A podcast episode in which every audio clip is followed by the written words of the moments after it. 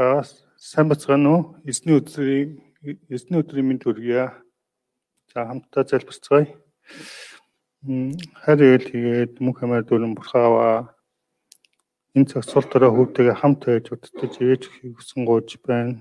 Зөвхөн эзэн дүүлчлэн гэсэн зөвхөн эзэн дүүлчлэн гэсэн таны үгийг ичсэн бусдад сайн дамжуулж мөн гэрчлэх боломжийг гаргаж өгөхийг хүсэн гуйж байна. Энэ цагийг эхнээс дуустал өөрийн таал ариун сүсрээ өдөртөж ивэж өгөхийг эзэн Есүс Христний хүсэн гуйж байна. Амен. Зөвхөн эзэнд үйлчлэнэ. Гол ишлэл 24:14. За бүгдээрээ гол ишлэлийг үзээрэй. Тэгэхээр одоо эзнээс имэн гим зэмгүй үнэн шударгаар түнд үйлчлэгтэн Ефрат бүрний цаан болон Египтэд өвөг дэзэхээ мөргөж байсан мөнөөх бурхтыг авч хаяад эзэнд үйлчил. Бурхан Израильчуудад амсныхаа дагуу газар нутгийг хуваарлан олон жилийн дайн тулааны дараах амар тайван цаг мөн амралтыг өгсөн. Израиль ард түмэн одоо юунд санаа зовхгүйгээр Бурханы өрөөлийг идэлхэл үлдсэн. Гэвч тэд хоромж сүтэнд мөргөх болж гмийн асуудал үүсэж эхэлсэн. Бурхан тэднийг Канаан газарт оруулсан шалтгаан тахилжуулс ариу ард түмнэр Бурханы ажилд нандинаар хэрэглэхийг хүссэн. Гэвч Бурханы үснээс байдал өөрөөр иргсэн юм. Тэдний ийм болсон шалтгаан юу вэ? Йошуа энэ асуудлыг хэрхэн шийдсэн бэ гэдгийг өнөөдөр бүгдээрээ хамтдаа суралцъя. Өнөөдрийн номлолоор дамжуулан бид ч мөн энэ цаг үед сэрэмжлэх ёстой зүйл юу болохыг мөн итгэлийн дотор ялт байгуулж амьдрахын тулд бид Бурхны өмнө ямар шийдвэрүүдийг гаргах ёстой талаар суралцаж чадахыг хүсэн гуйж байна. Нэгдүгээр хэсэг тахилын ширээ босгосон Рубен Гад Манасагийн хаг савг Канааны гэрчлэг дайн дуусаад газар нутгийг хойрлох ажилч бас дууссан. Бурхан 690 жилийн өмнө Авраамд амарсан газраа түүний уур удам дамарсныхаа дагуу өгсөн билээ. Бурхан бол хүн хичнээн алдаа дутагдал гим нүгэлтэй байсан ч амлалтаа биелүүлдэг итгэмжит бурхан юм. Нэгдүгээр ишлэлийг үзвэл Йошо Рубенчуд Гатчуд болон Манасгийн хагас овгийнхныг дуудан ирүүлсэн. Тэд Йошуа Мосег өв залгамсан удирдахч болох үед Йошуа гэдэгтэйгээр даган түүнийг Израилийн дунд бат зогсоход тусалсан хүмүүс юм.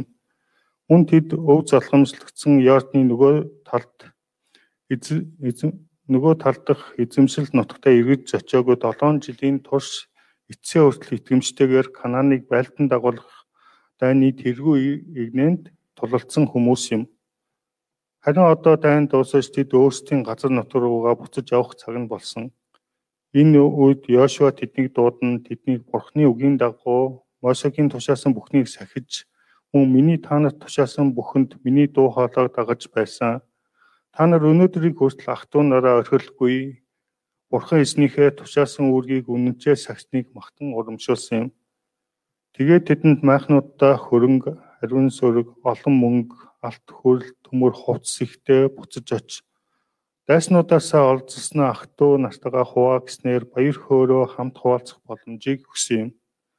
Харин одоо Бурхан амлсныхаа дагуу Мосегийн та нарт өгсөн Йордны нөгөө тал дахь эзэмшил нутагтаа буцаж анхнуудаа очицгоо хэмээн хэлэхдээ мөн цаашдаа яах ёстой тухай хэлсэн. Тавдугаар ишлэлийг үзвэл харин эзний зарц Мосегийн танад тушаасны дагуу өөрсдийн бурхан эзнийг хайрлан түүний бүх замаар алхан тушаалуудыг сахиж түүнээс бот барин түүнд бүх зүрх бүх сэтгэлээрээ үйлчил гэсэн тушаал ба хуйлуудыг биелүүлэхэд сайтар анхаар хэмээн сүнсний хараа мөн чиглэлийг өгсөн бэлэг эд хөрөнгө өгөө зогсолгүй хамгийн чухал зүйл бол болох сүнслэг чиглэл болох Бурхны үгийг өгсөн юм. Энэ нь тэдэнд Бурхны ёроолыг үргэлжлүүлэн эдэлж амьдруулахын тулд байсан. Бид ч бас Йошуа шиг эцсээ хүртэл төвчээртэйгээр итгэмжтэйгээр үйлчилсэн эзний хүмүүсийг ёроож бэлэг өгч мөн үгээр босгон байгуулдаг удирдахч болон өсгөд туслах хэрэгтэй юм. Харин одоо зарилгын 16 дугаар ишлэгийг үзээрэй. Эзний даяар хотл түмэн ийм хэлж байна. Та нар өөрсдөө тахилын ширээ босгосноороо эзний эсрэг хар шим хийж эснээс буцан эргэж Израилийн бурхны эсрэг үйлдсэн энэ итгэмжгүй үйлдэл чинь юу вэ? Голын баруун талд байгаа Израилийн хүүд эднийг хурамч тахил осгож байгаа хэмээн дүгнсэн. Учир нь тэд учир нь тэр үед их эзэн дөрөгдөг тахилын ширээ, тахилын газар болох шилоод л байсан юм. Тиймээс Израиль ард түмэн энэ асуудлаас болж тэдэнтэй тайтахаар явсан. Тэд хурамчтайнд мөргөж буй тэдний хараа сууж чадахгүй байв. Тэгээд Израилийн хөвгүүд Галиадын нутаг руу Рубны хөвгүүд, Гадын хөвгүүд болон Манасагийн хагас авгийнхан руу дахилж Илазрын хөв Пинахасыг илгээв. Пинахас бол өмнө Израильд сүлд байх үед асарт зохиочсон эрэгтэй эмэгтэй хүмүүсийг чадлан алсан. Энэ нь Бурхны уур хилэнгийн оронд үлдсэн үйлдэл байсан. 16 дугаар ишлэгийг хараараа эзний даяар хотл түмэн ийм хэлж байна. Та нар өөрсдөө тахилын ширээ босгосноороо эзний эсрэг хас шим хийж эзнээс буцан эргэж Израилийн бурхны эсрэг үйлдсэн энэ итгэмжгүй үйлдэл чинь юу вэ? Тэд боддоор Пёрын гмийн тухай бурхны уур хилэн тэдэнд сануулсан 19-р ишлэгийг үзвэл хэрв сууршиж буй нутаг чинь цэвэр бос байгаа бол эзний асар оршиж буй эзний эзэмшлийн нутагт наашиж бидний дунд оршин суугаач. Гэтэ бидний Бурхан эзний тахлын ширээнээс өөр тахлын ширээг өөртөө босгон эзний болон бидний эсрэг бүү төслөн босготон. Хэрв тэдний амьдарч буй газартай холбоотой асуудал гарвал тэд өөрсдийн эзэмсэж байсан зүйлээсээ хүртэл татгалзаж тэдэнд амьдрах газрыг нь өгье. Тиймээс тэд зүгээр л Бурханы өмнө бүү төслөн босооч гэж байна. Тэд Бурхан тандах халуун хүсэл, нүглийн эсрэг уур хилэн, ард түмнэ гэсэн хоншны зүв сэтгэлтэй байсан. Харин гурван овгийн хариулт нь юу байсан бэ? Хожим танаа өр удам та нар Израилийн бурхан эзэнтэй ямар холбоотой юм бэ? Өрөөбн болон гадын хөвгүүдээ эзэн Яосныг та бидний хоорондоо хил болгосон. Та нарт эзний дотор ямар ч хувь ногдол үгүй үлээ хэмээн манай өр удамд хэлж магадгүй. Ийхүү танаа өр удмаас болж манай өр удам эзнээс имээхгүй болж болох юм. Тиймээс бид хэлцэгтэй бүгдээрээ тахлын ширээ барьцгаая Энэ нь шатаал тахил болон өргөлийн төлөө бус харин бид эзний өмнө шатаал тахил өргөл болон эвийн тахлаараа эзэнд үйлчлэлтгийг харуулахын тулд байг. Та бид болон бидний дараагийн үеийнхний хооронд энэ гэрч болог хожим манай өвөр удам эзний дотор та нарт ямар ч ховь ногдол байхгүй гэж танаа өвөр удамд хэлүүлэхгүй тулд энэхүү ширээг босгосон билээ гэв. Үүнээс харуул Рубен, Гад, Манасагийн хаг согогч гэсэн бас бурхан танцсан халуун зүрх сэтгэлтэй байсныг харж болно. Израилийн 12 овг бурхан танцсан халуун зүрх сэтгэлээр дүүрэн байсан. Энэ хүсэл тэмүүлээсээ болоод тэд буруу ойлголцож баргалах хоорондоо тулалдах шахсан. Пинахас болон түүнтэй хамт байсан ургууд ургуудын тэргүүнүүд нь гурван овгийг таашааж Израилийн өгөөддөр хариу үг авч буцаж ирсэн. Энэ үг нь Израилийн өгүүдийн талд нийцсэн ба тэд Бурхныг магтцаа. Бурхныг Бурхныг хайрсан халуун үслээс болж дайтах шахсан энэ үйл явдлаас нэг зүйлийг ойлгож болно. 22 дугаар бүлгээс ойлголцох талаас суралцсан. Ойлголцохын тулд ярилцах хэрэгтэй. Бурхны төлөө сайн сэтгэлээр хийхэд нөгөө талаас хөрсөн, нөгөө талаас харсан хүн Бурхны талаар хийж байгаа зүйлийг буруугаар ойлгодог Итгэлийн ахын дүүсээ гим үлдэх үед нь гмийн эсрэг зогсон хамтдаа ярилцах хэрэгтэй юм. Бидний бусад ахын дүүс маань сүнслэг биш байх үед энэ миний оролцох зүйл биш гэж зүгээр орхиж болохгүй. Нэг нэгэндээ шаардлага тавьж гмийг нь гимшүүлэх хэрэгтэй юм. Утсаа хитрхи их үзээ давал одоо болоод Библи уншин залбирх хэрэгтэй гэдгийг хэлэх хэрэгтэй.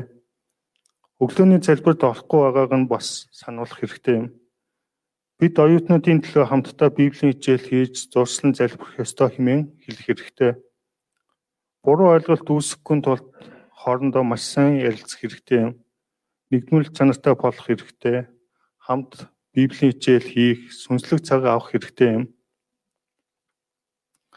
Мөн мөн оюутан залуусын гмийн асуудалтай байх үед тэдэнтэй муудалцаач чамаагүй тэдний гмийн асуудлыг зэмлдэг байх ёстой мөн өөрөө нэр хүнд алдагдлалд орно нэр хүндээ алдсан ч чуулгана ариунаараа хатгалж авч үлдхийг хичээх хэрэгтэй юм. Хоёрдугаар хэсэг Израильчуудыг шийдвэр гаргахыг шаардсан Йошуа. 23 дугаар бүлэгт Йошуа ард олныг дуудан Библийн хичээл хийж эзэн бурхны эзэн бурхны хамгаалалт амлалтыг дахин сануулсан билээ. Тэгээд хиймэл бурхтад бүү үйлчлэл гэж маш хатуу анхааруулсан. Харь үндэстэн Канаан эмэгтэйчүүдийг ураг барилцнаас болж хиймэл бурхтад аажим аажмаар үйлчлэх эрсдлийг анхааруулж тэдэнтэй гэр бүл битгий болороо гэж чанд сануулсан юм. Одоо 24 дугаар зүйлийн 1-р ишлэлийг үзээрэй. Йошуа Шихемд Израилийн бүх овгийг цуглуулна. Израилийн ахмадууд, тэргүүнүүд, шүүгчд ба түшимдийг дуудсан бөгөөд тэд Бурхны өмнө ирж зогссон. Йошуа эднийг энэ газар дуудах үед Израильчууд Канаан газарт орж ирэн аль хэдийн хуурамчтай шүтэж эхэлснийг мэдсэн юм.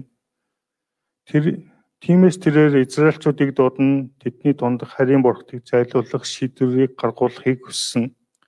Ингийн тулд тэрээр юу хийсэн бэ? Нэгдүгээрт түүхэн боловсролыг олгосон юм. Хоёрдугаар ишлэлийг үзээрэй.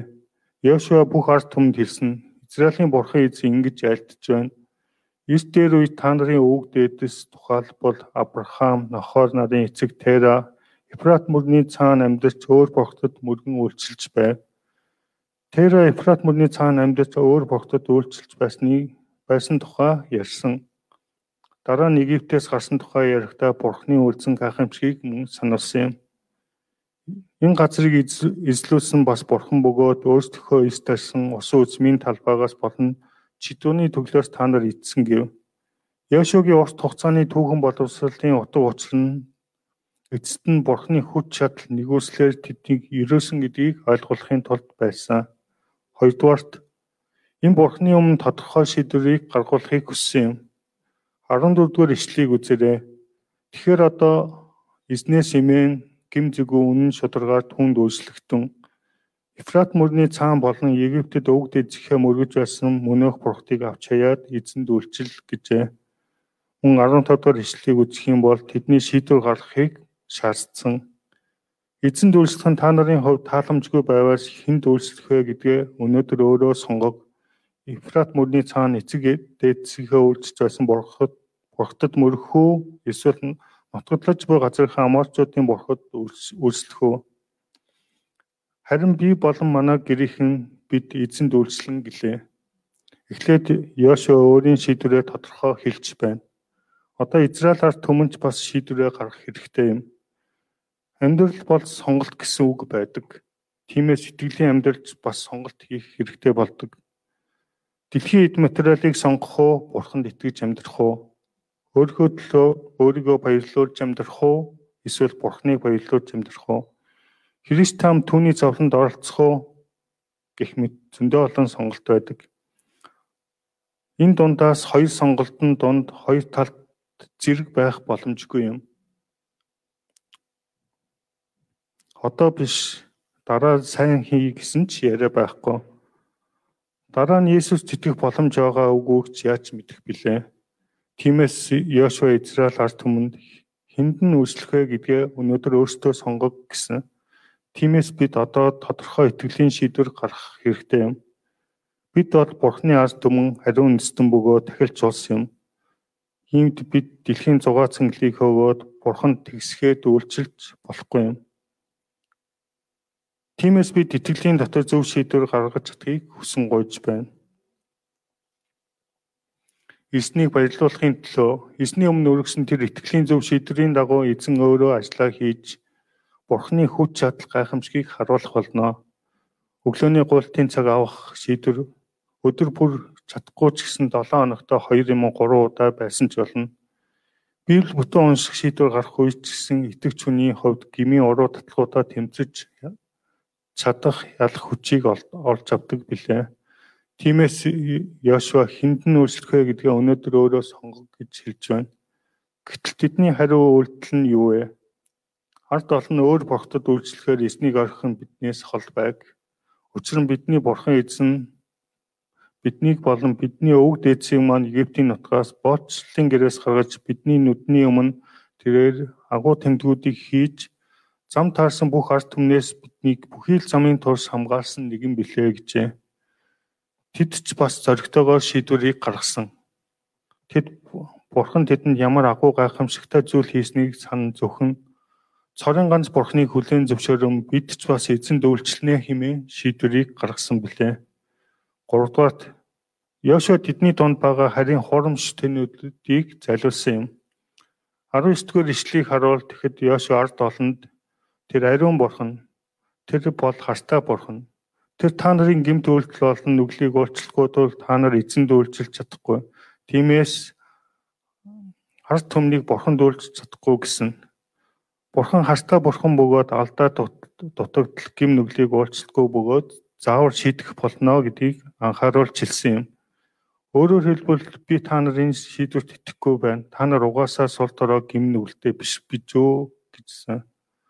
Харин ард олон яаран хариулсан юм. Ард олон Яшод Үгүй ээ. Бид зөвхөн эзэн л үйлчлэх болон гэхэд Йошуа тэдэнд эзэн үйлчлэхээр түүнийг сонгосныхоо гэрч өөрсдийнхөө өмнө өөртөө та нар болов гэхэд тэд бид нар мөн гэж хариулсан юм.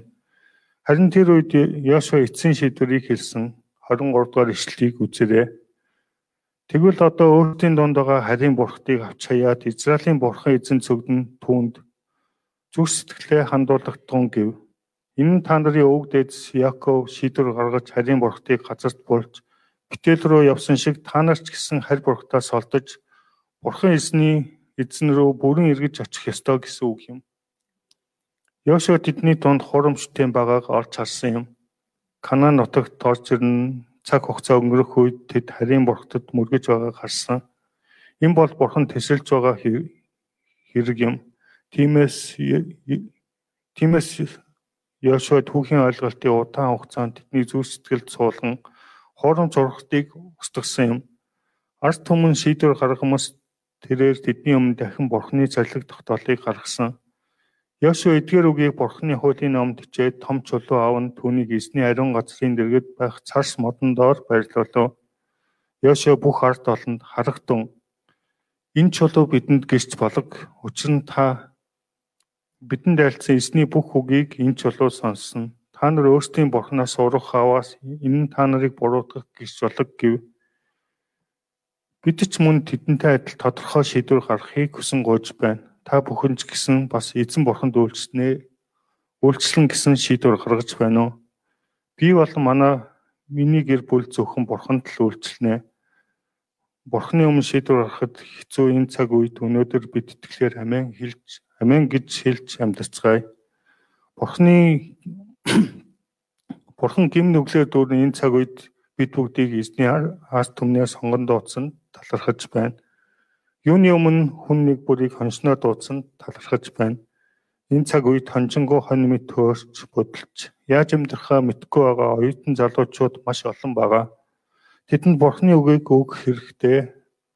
Бурхны үгийг өгөх хончин хэрэгтэй юм. Хоншны хувьд бидний итгэлийн шийдвэрийн дагуу энэ цагт хөөрч бодолж шаналж үхэж буй олон сүнснүүдийг аварч чадахыг хүсэн гуйж байна. Бурхан энэ дэлхийн сүнснүүдийн төлөө өшөө олон хонжид хэрэгтэй гэдгийг сануулж байна. Ингээд ард түмэн буцсан юм. Энэ бүгдийн дараа эзний зарц нууны хойё ашва 110 наснда өөд болов. Тэд түүнийг Каш уулын хойд тадоос Хипрамын уулархан нутагт байдаг өөрийнх нь өвийн нутаг Тимнат Церад хөдөөлүүлсэн.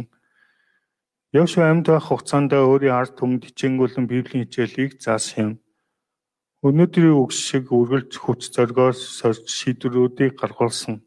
Тэрээр таны талбар шиг хүчрэг цэргийн жанжин байсан. Харин амар тайван цагт Бурхны боол ард түмний сайн хончин байсан билээ. Йошуагаас хойш Йошуагаас хойш амьд ойж Израильд эзний хийсэн бүх хэргийг мэдж байсан ахмадуудын бүх өдрүүдс тэд эзэнд бас үйлчилсэн юм. Тэгээд тэд Египтээс авч ирсэн Йосепийн ясыг Шихемд орсуулж тэр газар Йосепийн хөвгүүдийн өв болжээ. Мөн Аароны хүү Элизер нас барсан тэд Ефраимд хуулархан нутагт Пинехаст нь хуваарлагдсан Гебагийн толгойд түүнийг хөдөөлүүлсэн. Ингээд Йошуагийн бурхан Йошуагийн бурхны алдрын төлөөх амьдрал нь дууссан. Өнгөрсөн хугацаанд бидэнд Йошуа намаар дамжуулан амийн үгийг өгч бидний өмнө үгээрээ удирдан дагуулж ялтыг өгдөг бурхныг сурах боломжийг өгсөн Бурханд талархаж байна. Зөвхөн итгэлээр Бурханы авралын ажилд нандинаар хэрэглэгддэг гэдгийг сурах боломжийг өгсөнд баярлалаа. Өнгөрсөн хугацаанд манай гэр бүлтэй хамт байж хамгийн сайн замаар өдөртөж ясан талархаж байна. Зарлагын мессежийг бэлдэж байх хугацаанд би сул дорой гимтэй байсан ч гэсэн Бурхны амлалтан заавал бэлэгдэнэ гэдгийг сурч авсан. Амьдралын минь тушид хоншны амьдралаар амьдрах хിവэлтэй үргийг өгсөн талархаж байна. Библийн хичээлээр дамжуулан итгэлийн амьдралаар амьдрах нь Бурхны хамгаалалт, амлалтыг дахин сануулж өгч байгаад баярлалаа. Мөн Йошуа шиг бусдад нөлөөлдөг хүнээр амьдрах хэрэгтэй гэдгийг ухааруулж өгсөн талархаж байна. Бидний итгэлийн амьдрал нөхцөл байдлаас огт хамаарахгүй харин Бурхны үгээс хамааралтай гэдгийг зааж өгсөнд баярлалаа. Бид өдөр бүр итгэлээр хийж чадна гэсэн итгэлийг өргөн амьдрахыг хүсэн гуйж байна. Харин бидний өмнө явдаг бидний өмнө явж тулдаг Йошуа шиг бурханд итгэж бурхны өмнө алхахыг хүсэн гуйж байна. Бурхан бидэнд Йошуагийн Йошуаг Йошуа шиг арслан шиг зүрх зорхийг өгснөөр арслан эсн чи бүтээгч бурханд итгэн юу ч бас итгэлээр хүчээс ордог итгэлийг зөвшөөрөнхийг хүсэн гуйж байна. Энэ энэ дэлхий бурханаас энэ дэлхий бурхнаас орвсон ч гэсэн би болон миний гэр бүл бурханд л үйлчлэн гэсэн бүрэн шийдвэрийг гарган энэ цаг үед гэмтээ тулалдаж бурхны авралын түүхэнд найр хэрэглэгдэж чадахыг хүсэн гойж байна. За хамтдаа залбирая. Хайртай бурхааваа энэ цагийг удирдах өгсөнд баярлалаа. Ялангуяа цаашаа зөвхөн эзэн дүүслэх үйлчлж амьдран гэсэн сэтгэлээр амьдрахад өдөртөж живэж ихийг хүсэн гоож байна. Энэ цагийг эхнээс дуустал өдөртөж живэж өгсөнд баярлалаа. Бүхий зүйлийг зөвхөн тань даатгаад эзэн Христийн нэрээр хүсэн гоож байна. Амен.